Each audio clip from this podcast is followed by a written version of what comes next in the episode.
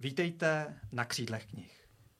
Já jsem Mikuláš Minář a tohle je další díl mého podcastu o velkých myšlenkách a zajímavých knihách. A můj dnešní host je Radek Hábl. Dobrý den, Radku. Dobrý den, Mikuláši.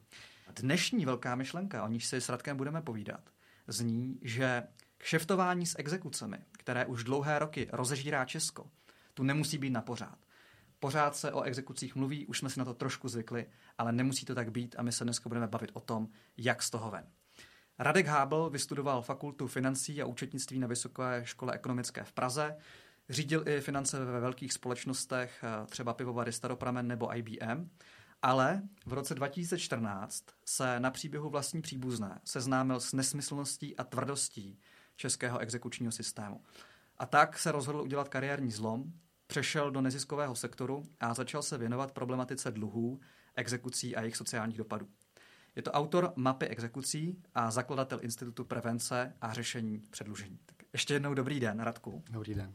A ta dnešní kniha, o které my se budeme společně bavit, není tak docela kniha, je to totiž mapa. Je to mapa exekucí, ale i v téhle mapě můžeme číst. Můžeme v ní číst klíčové informace o stavu naší země, a právě o téhle mapě se dnes budeme bavit. Radku, co nám ta mapa vlastně říká o stavu exekucí v Česku? Co se z ní dá vyčíst? Tak eh, dá se z ní vyčíst celkový problém, který tady máme. To znamená, že zhruba 670 tisíc lidí je v exekuci. Zhruba 500 eh, tisíc lidí z toho má víc exekucí na jednou. To znamená, nečelí jenom jedné exekuci, ale mm. čelí více exekučním řízení na jednou a tím pádem mm. i mhm. více exekutorům. A taky z toho můžeme vyčíst, že uh, exekuce dopadají nejenom na ty lidi, kteří jsou přímo postiženi exekucí, ale jejich, jejich rodiny. To znamená hmm. děti, manžele, manželky. A když tyto lidi započítáme, tak jsme někde zhruba na jednom a půl milionu lidí, kteří jsou přímo dotčeni exekucemi. No a ta mapa ještě hmm. tento problém vlastně dále rozkresluje do regionů, do okresů, aby jsme viděli, kde ten problém je největší. A když se uh, podíváme vlastně na tu mapu, tak jak eh, jste ji ukazoval, tak vidíme, že v těch nejpostiženějších regionech je v eh, exekuci zhruba 18% dospělé populace, což je ohromné číslo, které má velmi negativní dopady na celý ten region, protože hmm. samozřejmě je tam potom uh, horší ekonomika, uh, podnikatelé tam mají velmi, velmi zhoršenou situaci, peníze očerpáváme z těchto regionů do těch hmm. bohatších regionů. To znamená, vytváříme vlastně větší a větší rozdíly mezi chudými a bohatými regiony. Mm-hmm.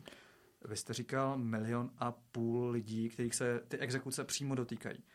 To mi přijde ohromně velký číslo, je vlastně 15% téhle republiky. A já si úplně nedokážu představit, jaký to vlastně je eh, v těch exekucích být, jak se ty lidi cítí, jak se jim žije, jaký je jejich každodenní život. Tak ti lidé jsou často frustrovaní, jsou zahnáni do kouta a jsou totálně paralizovaní, protože hmm když si představíte, že člověk, který se dostane do exekuce, tak první, co se stane, mm-hmm. že se mu zablokuje účet bankovní mm-hmm. a zablokuje se mu příjem. Mm-hmm. Ať už je to mzda nebo je to důchod, tak se mu zablokuje příjem, srazí se mu, uh, srazí se mu exekuční srážka a pouze ta nezabavitelná částka se mu pošle na účet. Mm-hmm. To znamená, ten člověk vlastně, který se dostane do exekuce, tak v tu chvíli ztrácí okamžitě určitou část své výplaty nebo část svých peněz, ať už jsou na účtu nebo z výplaty. Takže když si představíte, že člověk žije od výplaty k výplatě mm-hmm. a najednou mu někdo z účtu, respektive ze mzdy, srazí třeba 5000 korun, no tak těch 5000 korun potom někde jinde zase chybí. Jo? To znamená, ten člověk pak nemá na to, aby zaplatil třeba nájem, nebo aby nemá na to, aby zaplatil energie, nebo třeba telefon a tím se dostává velmi rychle do dalších a dalších mm-hmm. dluhů.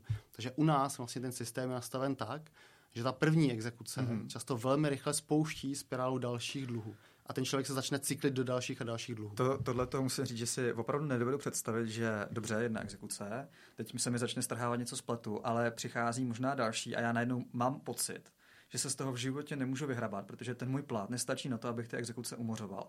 A tam jsou že nejrůznější poplatky. Jak to, jak to vlastně je, že, že to tak jak je možné, že to tak strašně narůstá pak ty poplatky, že, že čteme ty případy, kdy z malých bagatelních dluhů najednou jsou obrovské exekuce? Tam je to ve dvou rovinách. První rovina je na úrovni toho věřitele. To znamená, že tam ty poplatky, respektive úroky rostou už kvůli tomu, no. že třeba to bylo přímo v dané smlouvě. Takže člověk si půjčil třeba 20 tisíc, podepsal velmi uh, uh, drakonické podmínky, kde se z těch 20 tisíc mohlo stát třeba 300, 400, 500 tisíc. Hmm. To je ta první rovina. Druhá rovina je, že když se něco dostane do exekuce, tak se to automaticky navyšuje zhruba o 7 tisíc korun jenom na exekučních nákladech a DPH. To znamená, i když se vymáhá třeba 100 korun nebo 500 mm-hmm. korun, vždycky se to navýší o těchto 7 tisíc korun mm-hmm. minimálně. To znamená, mhm. pokud člověk nemá na zaplacení ani tisíci koruny, tak potom už nemá samozřejmě ani, ani na těch 8 tisíc. A tím se dostává do té spirály. A Dobře, tak ale jak se z toho ti lidé mají dostat? Mají si teda najít nějakou práci, kde ten zaměstnavatel je prostě zaměstná a několik let to splácet? Nebo jaký to vlastně třeba je i pro ty zaměstnavatele, ty lidi mít práci? Pro ty zaměstnavatele je to obrovský problém, protože komunikovat s exekutory je vlastně provádět srážky zemzdy je velmi náročné. To znamená, ti zaměstnavatele velmi často nepreferují lidi v exekuci. Uh, někteří uh, zaměstnavatele dokonce takové lidi propouští, jiné, jiní zaměstnavatele zase třeba ani vůbec nezaměstnají, protože je to taková pro ně uh, velká náročná práce, byrokracie, Eh, a je tam i riziko zhruba no, 50 tisícové pokuty ze strany exekutorského úřadu, že zkrátka takového člověka nepřijmou. Co tam je tak náročného nebo byrokratického, proč eh, to je tak složitý? Je to složitý v tom, že každý zaměstnavatel musí komunikovat s exekutorským úřadem a musí vlastně poskytovat takzvanou povinnou součinnost. Takže každý exekutor má své formuláře a ptá se na různé věci každý zaměstnavatel musí s tím exekutorem komunikovat. To je první rovina. Mm-hmm. Ve chvíli, kdy ten člověk má víc exekucí, tak má taky víc exekutorů. To znamená, pokud takový zaměstnanec má třeba 8 exekucí, tak může mít klidně 8 exekutorů a ten zaměstnavatel musí komunikovat s každým tím exekutorem zvlášť musí hlídat pořadí, to znamená, který exekutor byl první, který byl druhý, mm-hmm. protože ten, který byl první, tak tomu se sráží prvnímu, ten, kdo byl druhý, tak se sráží druhý, a když se zaplatí druhá exekuce, tak přichází na řadu třetí. A samozřejmě ty exekuce stále běží, takže ty náklady tam nabíhají a je velmi těžké tohleto vlastně všecko, všecko uhlídat. A to znamená, že se asi děje to, že ty lidi často teda jdou nějakou boční cestou, že utíkají do šedé ekonomiky, nebo má to nějaké jako ekonomické, finanční důsledky pro celý stát? Nebo? Je, to, je, to, je to přesně tak. Ty lidi, ať už záměrně, nebo tím, že jsou donuceni, tak často končí v šedé ekonomice. Velké množství lidí takových končí v šedé ekonomice, to znamená ztrát, eh, ztrácí eh, poměrně vysoké miliardy na příjmové stránce, to znamená na daní z příjmu, na odvodech ze sociálního zdravotního pojištění mm. a zároveň vydává větší výdaje na sociální mm. podporu těchto lidí. Takže to je takový ten primární Neplatí dopad. odvody, ale ještě čerpají dávky, takže přesně vlastně tak, to přesně. je nevýhodný pro celou společnost. Mm. Přesně tak. Odhady jsou někde kolem, kolem 20-30 miliard, co to stojí, ten státní rozpočet, jenom vlastně to, že lidé utíkají do šedé ekonomiky. A to jsou jenom ty přímé dopady. Pak tu máme ještě nepřímé, to jsou ty, že ti, ti lidé se uh, častěji rozvádí, ti mm. lidé mají menší produktivitu práce, ti lidé mm. jsou častěji nemocní, to znamená více využívají zdravotní systém. Mm. Tohle to všecko nás stojí další miliardy úplně zbytečně navíc. A, dobře, takže jestli tomu správně rozumím, a, trpí ti lidi, kteří dluží, jsou v exekucích nebo v exekuční pasti, trpí jejich zaměstnavatelé, pro které je nevýhodný ty lidi zaměstnávat, trpí ty regiony, kde ty lidi žijou, od ta, uh, odtejkají odtud peníze. Uh, trpí tím i stát a ekonomika. Uh, tak mě zajímá, kdo teda z toho těží, nebo jestli to je takhle strašně blbý problém, proč to pořád trvá. Těží z toho obchodníci s chudobou, těží z toho ti největší exekutorské úřady, které vlastně na tom velmi, velmi vydělávají protože ten systém je tak provázaný, že vlastně, eh, když člověk dokáže vyrábět dostatečné množství pohledávek eh, a předávat je svému známému exekutorovi, tak na tom dokáže vydělávat ohromné, ohromné peníze.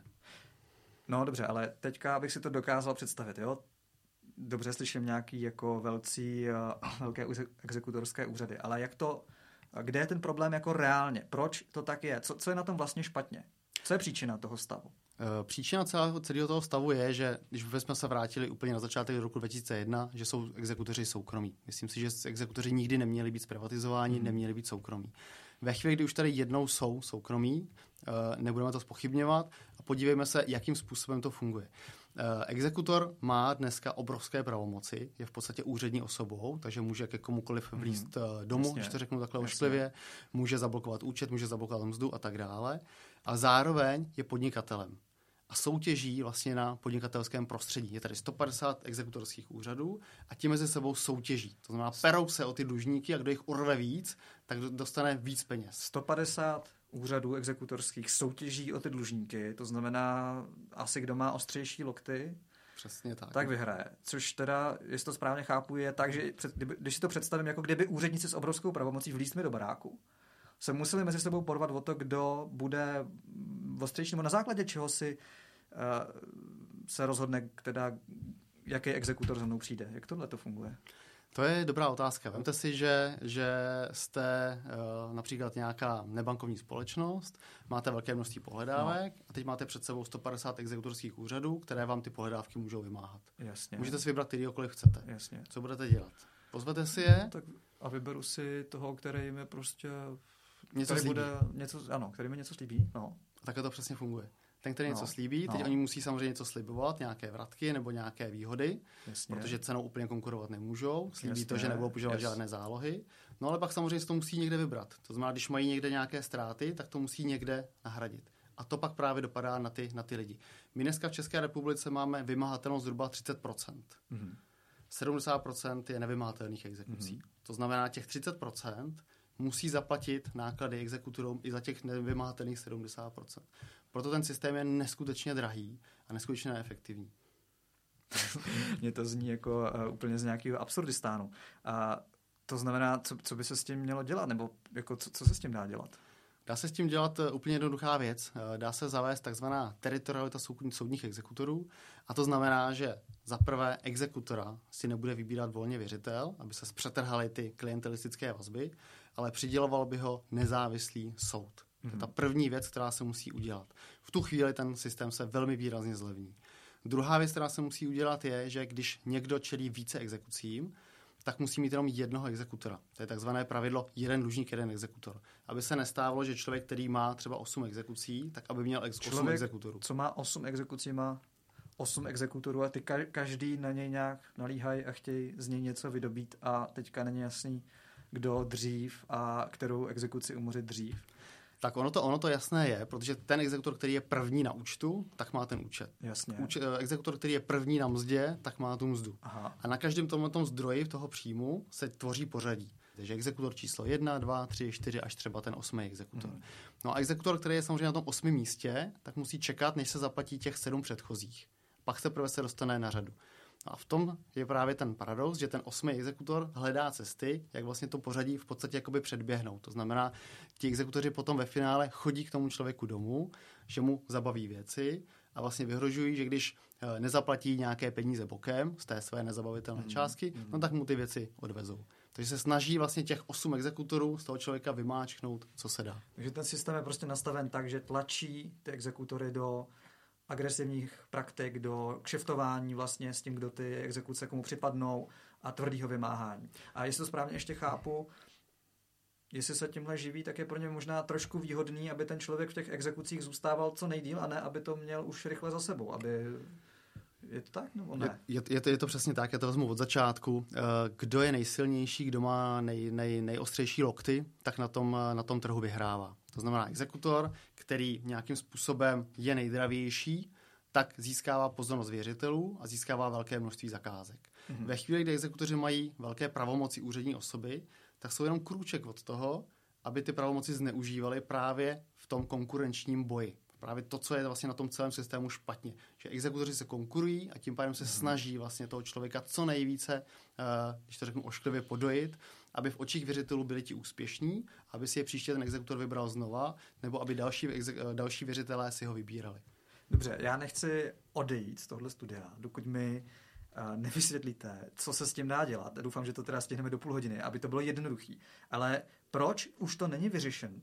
Když já slyším prostě o exekucích, o tom, jak je to prostě blbý, jak obrovský to má dopady na ten stát, minimálně několik let. Tak mě by zajímalo, uh, co v této věci udělala, udělala minulá vláda. Já jsem se teďka dočetl uh, v seznam zprávách, že uh, v prvním kole prezidentské volby uh, byla mimořádná volební účast napříč republikou. Oba dva kandidáti zřejmě mobilizovali voliče, ale v místech více zasažených nezaměstnaností a taky exekucemi nejvíc z toho těšil vlastně Andrej Babiš. Tak by mě zajímalo, co Andrej Babiš uh, udělal pro tyhle lidi. Je to tak, že hájí jejich zájmy, nebo že ho volí a jednají ve vlastním zájmu? Ty hodně otázek najednou, tak já zkusím úplně od začátku. Ano, proč je to tak eh, ohromný biznis, nebo proč se to vlastně nedaří, nedaří přijmout nějaká změna. Řeknu jedno číslo. 300 miliard korun je vymáháno jenom na jistině. Když připočítáme ještě úroky, náklady na vymáhání, tak jsme jde kolem 500, možná 800 miliardách korunách. Ah, to je okay. ten důvod, proč se to nedaří změnit už zhruba 10-15 let. Točí se v tom obrovské peníze a všechny vlády z toho vždycky zatím no, vycouvaly. Dobře, ale tak uh, zájemem politiku, poslání politiku by mělo být řešit problémy téhle země a sloužit občanům. Proč už to politici nevyřešili? Protože věřitelská, exekuční a vymahačská lobby je výrazně silnější než kdokoliv jiný. Co to znamená silnější? Jako to znamená, že... To znamená, že vždycky si prosadili svou, že teritorialita a vlastně odstranění té vazby exekutor-věřitel nemá, nedává smysl a nemělo by se to provádět. A, a můžete mi dát nějaký příklad? Já jsem slyšel nebo četl, že minulý premiér Babiš tu teritorialitu nějak prosazoval. Nebo...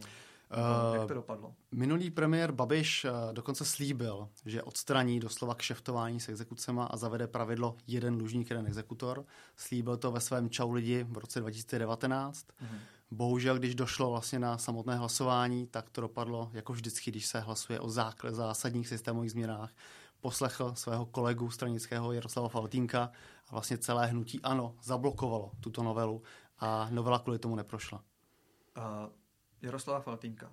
Pravá, tohle mi možná přibližte, protože já jsem slyšel, že pravá ruka Andreje Babiše, Jaroslav Faltínek, je nějak namočený do různých exekučních a, a vymahačských biznesů a levá ruka Andreje Babiše, místo předseda ANO Vondráček, je dokonce snad soudně uznaný advokát lichvářů, myslím, že některé médium ho nazvalo, že advokát lichvářů, což teda on za to pak žaloval, ale prokázal se, že skutečně Znamená to teda, že nejbližší okolí Andreje Babiše tam má ty svoje zájmy v tom udržování toho stavu?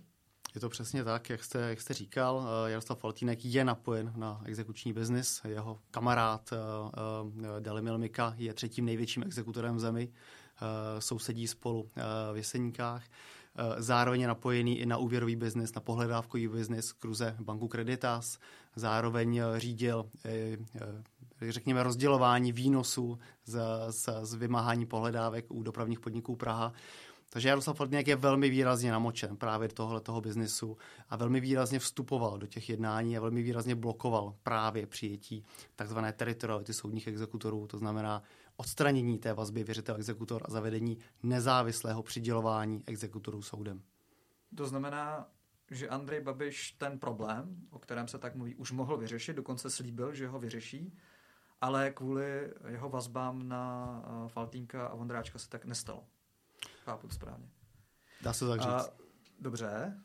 Co ta stávající vláda, jako mm, řeší to nějak, nebo vyřeší to nějak, nebo jak to je s ní?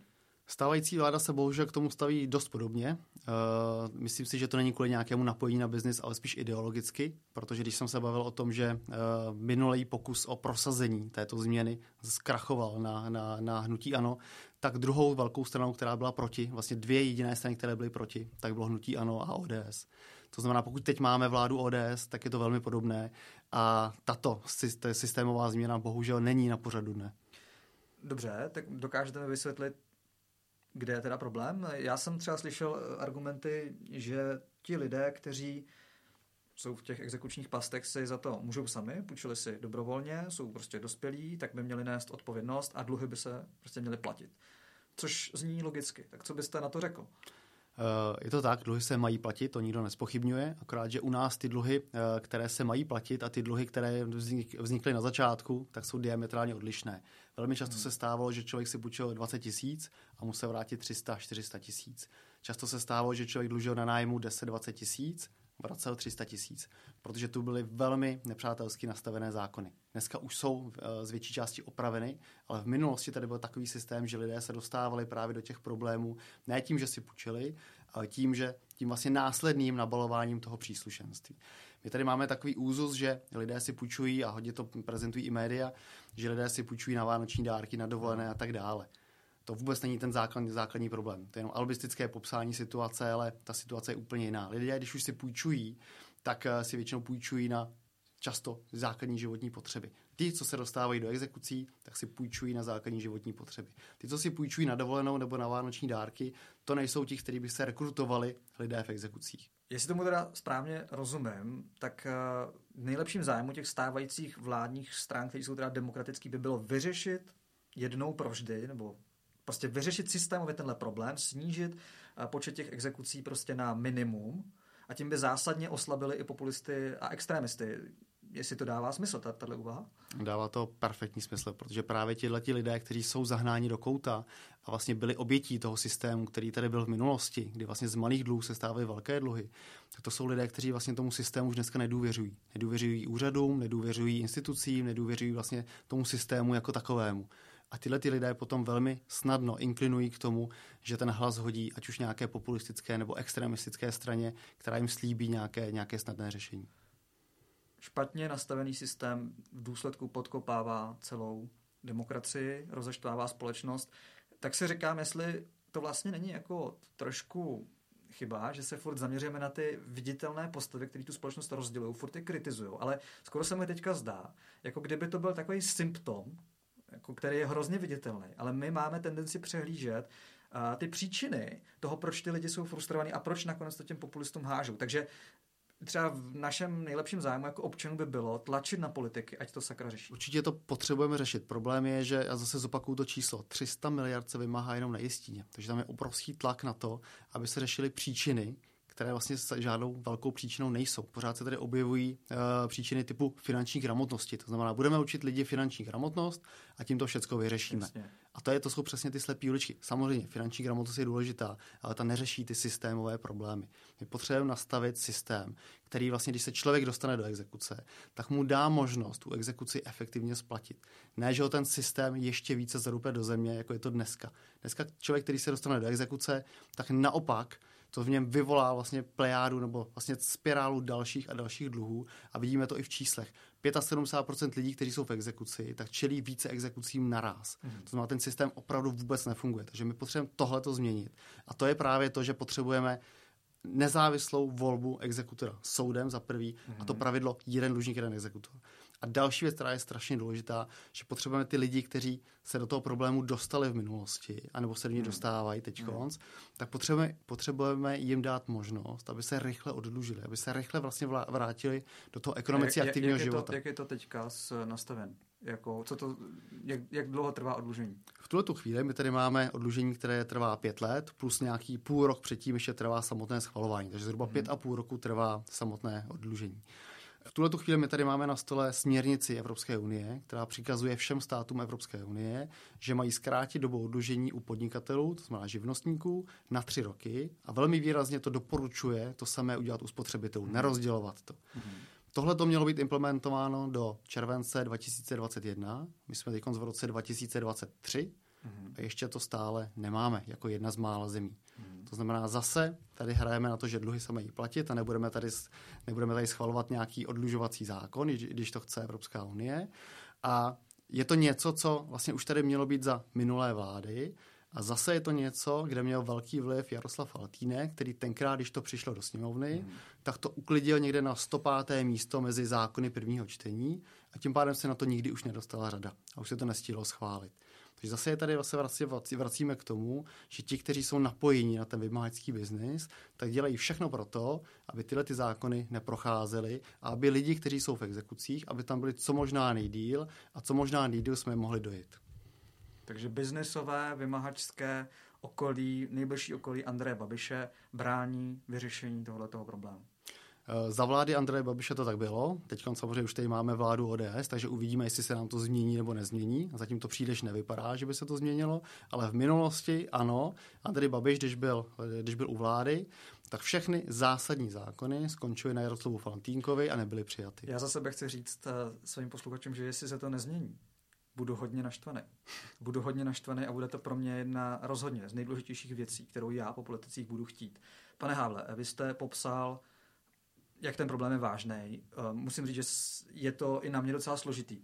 Dokážete mi říct ve třech větách, jak ten problém vyřešit? Co jsou, ty, co jsou nějaký tři hlavní kroky, eh, které bychom měli přijmout, nebo jestli jich je víc? Máte pravdu, že to je hodně složitý problém. Proto já hmm. jsem si tady připravil vlastně ty tři body na jednoduchém obrázku, aby jsme ukázali, co vlastně je potřeba. A je to opravdu velmi jednoduché.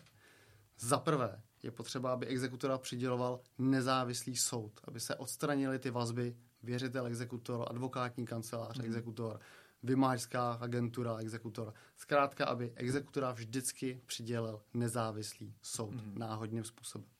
Za druhé, když už má někdo víc exekucí, tak aby měl jenom jednoho exekutora. To znamená, každá další exekuce, která se zahájí vůči hmm. stejnému člověku, tak je vždycky přidělená tomu samému exekutorovi, který vlastně už toho člověka zná, už nemusí znova obesídat všechny banky a zaměstnavatele, zkrátka už může vést další exekuci bez dalších nákladů. A ta třetí věc, která je strašně důležitá, kterou jsem říkal na konci, mm. tak je přijmout právě novelu insolvenčního zákona podle směrnice Evropské unie, mm. která zkrátí dobu odlužení na tři roky a ti lidé, kteří jsou dneska předlužení a už nemají jinou mm. možnost, jak se z toho dostat, nemůžou se z toho dostat vlastními silami, tak aby mohli projít zákonným procesem odlužení a velmi rychle během tří let byli schopni se zase vrátit do toho plně aktivního ekonomického života a byli zase plnohodnotný, plnohodnotnými členy společnosti, zase mohli utrácet, mohli podporovat místní ekonomiku a zkrátka přispívat i do státního rozpočtu. Takže když to schrnu, exekutora přidělí nezávislý soud a jeden dlužník, jeden exekutor, i když má víc exekucí, a zkrátit odlužení na tři roky. Když si to zkusím představit, když už někdo spadne do té exekuce, tak eh, toho jeho exekutora mu přidělí soud, ne, že teda bude probíhat nějaká dravá soutěž o to, kdo na něm nejvíc vydělá. A potom ten člověk může mít víc exekucí, ale bude všecko jednoduchý, jasný, že ví, že to s ním řeší ten jeho exekutor, to ví jak ten člověk, tak to ví ten jeho zaměstnavatel, který mu odpadne prostě 80% byrokracie a zároveň, když už je to tak vážně, že teda insolvence a ten člověk potřebuje odlužit, tak má výhled, že za tři roky může být z toho venku a ne, že možná, když to dobře půjde, někdy za pět a půl roku. Je to přesně tak. Takhle jednoduchý to je. Pane Háble, na vašem webu, já jsem se dočetl, vy tam uvádíte, mým cílem a snem je, abychom byli zemí bez nemravného dluhového biznesu a měli jsme nejnižší podíl předlužených domácností v Evropě. Vy se za to bijete už několik dlouhých let opravdu věříte, po tom, co jsme si tady řekli, že je možné tento nespravedlivě nastavený systém změnit? Věřím, kdybych nevěřil, tak už bych to nedělal. A čísla ukazují, že se to zatím daří. Daří se měnit zákony. Když pominu tyto dva zásadní, tak zbylé se docela daří, eh, daří, daří hmm. prosazovat. Mým cílem je právě, aby jsme byli nejméně, eh, nebo zemí s nejméně předluženými lidmi, protože my máme velmi vysokou morálku splácení. V České republice, když se podíváme na zbytek Evropy, tak Česká republika je první, co se týče morálky splácení. My spolu, jsme... spolu s Německem. Můžete to říct ještě jednou? To ano. Jsem... Co se týče morálky splácení, Česká republika na prvním místě spolu s Německem. To znamená, Češi mají nejlepší morálku splácení svých dluhů. Současně české domácnosti patří mezi nejméně zadlužené v celé Evropě. Mm-hmm. I z tohohle toho důvodu je nesmyslné, aby jsme tu měli tak obrovské množství exekucí. Ukazuje to na to, že ten systém je nemocný. Ne lidé, lidé splácí, mm. ale systém je nemocný. Systém, tak jak tady byl nastaven, tak uvrhl tisíce lidí do exekucích a my z toho ty lidi potřebujeme dostat. 700 tisíc lidí není přirozená míra exekucí v České republice. Potřebujeme se dostat někde na 200-300 tisíc maximálně. Milí přátelé, dneska jsme se bavili o mapě exekucí, bavili jsme se o tom, jak to udělat, aby ta rakovina toho kšeftování s exekučním biznisem, který tedy rozžírá Česko a opravdu ničí systémově celý regiony, který potom volí populisty a extrémisty, tak aby to tady už dál nebylo. Já si myslím za sebe, že už je na čase stát se civilizovanou zemí. Proto bych vás chtěl všechny poprosit, co můžete udělat pro to, aby se tohle vyřešilo. Uh, jsou to tři kroky chtít po politicích, aby eh, exekutory přiděloval nezávislý soud, aby jeden dlužník měl vždycky jenom jednoho exekutora a aby odlužení netrvalo pět let, ale tři roky. To jsou tři body a za čtvrtý, prosím vás, volme lidi do těch největších, do nejvyšších úřadů a do vedení téhle země, který tenhle problém vnímají, který který ví, že je palčivý a chtějí ho opravdu řešit. Nejenom o něm plácají a nakonec se nějak domluví s exekutorskýma šmejdama. Mimochodem, chci říct, že to není tak, že všichni exekutoři jsou šmejdi. V žádném případě. A mohl byste možná k tomuhle ještě Radku něco říct? Určitě ne. Když se podíváme na eh, exekuční stav, tak eh, je tam spousta exekutorů, kteří jsou špatní, když to řeknu slušně, a kteří mají ty ostrý lokty a kteří opravdu to berou jako tvrdý biznis a, a jdou v podstatě přes mrtvo, když to řeknu nadneseně. A když se podíváme na těch top největších exekutorů, těch, těch top 15, tak jich je tam velké množství. Hmm. Ty menší střední exekutoři většinou uh, jednají v mezích zákona, nebo aspoň ta moje zkušenost je taková, že jednají v mezích zákona. Snaží se vždycky najít to nejlepší řešení mezi uh, věřitelem a dlužníkem. Snaží se jednat s tím dlužníkem s respektem a zkrátka ho dovést k tomu, že ten člověk to zaplatí, ale zároveň ho to nezrujnuje a nezlikviduje. Protože to je ten rozdíl mezi těmi řekněme, brutálními hmm. exekutory a mezi těmi slušnými. Ten brutální jde potom, aby vymohl tu jednu pohledávku, je mu úplně jedno, jakým způsobem to udělá, hmm. ale tím velmi často vytvoří jiné pohledávky, protože ten člověk pod tím tlakem si půjčí, aby tomu exekutorovi zaplatil, anebo zkrátka, zkrátka mu vznikne někde jinde jiný dluh, protože přijde o peníze, které měl na něco jiného. Dobře, ale my prostě nemůžeme doufat, že nějakým zázrakem z hůry uh, se zlepší morálka všech exekutorů a že ti lidé začnou být všichni naprosto slušní. Prostě tenhle stát má za úkol systém, který je příčinou toho problému nastavit tak, aby tohle se nedělo. Přesně tak, ten systém se nezmí sám od sebe, protože dokud tady bude fungovat tržní prostředí, dokud budou exekutoři válčit o každého dlužníka, tak nebudou mít důvod, aby byli nějakým způsobem schovývaví. Vždycky vyhraje ten, který nejtvrdší, ten, který jde na hranu zákona nebo dokonce za hranu zákona, ten bude u věřitelů nejoblíbenější a to je právě to, co musíme odstranit. Tady nesmí být ta vazba věřitel-exekutor. Exekutor nesmí být ekonomicky závislý na věřiteli, protože pak ho to svádí k tomu, že často překračuje zákon nebo je na hraně zákona. Milí přátelé, pokud vás eh, tohle téma štve, pokud vás pálí, pokud eh, chcete, aby Česká republika se nedělila na Česko A a Česko B, kde jedním se daří a jedni jsou staženi do dluhových pastí. Prosím, šiřte tyhle informace dál protože jde o jeden z nejpalčivějších problémů naší země, který podkopává demokracii, rozeštvává celou společnost a přitom to systémové řešení by nemuselo být tak těžký. Já věřím, že pokud se společně spojíme a budeme po politicích vyžadovat tyhle kroky, může být Česko normální zemí, kde se dobře žije, kde se nekšeftuje s exekucema. Tohle to je to, co dneska jsme chtěli říct. A já moc děkuju Radku Háblovi za jeho dlouholetou práci. Budu rád, když ho budete dál sledovat, protože skutečně ví, vidí tomu do střev a, a vidí tomu do hloubky a zabývá se tím dlouho. Takže sledujte Radka Hábla a pane Háble, vám držím eh, palce, ale nejenom vám, celé naší společnosti a moc děkuji za to, co děláte. Já moc děkuji za pozvání, Mikuláši. Děkuji vám, že jste doposlouchali až sem. Děkuji vám i za šíření a podporu mého podcastu a držme si všichni do dalších dnů palce. Milí přátelé, zůstávejte na křídlech knih.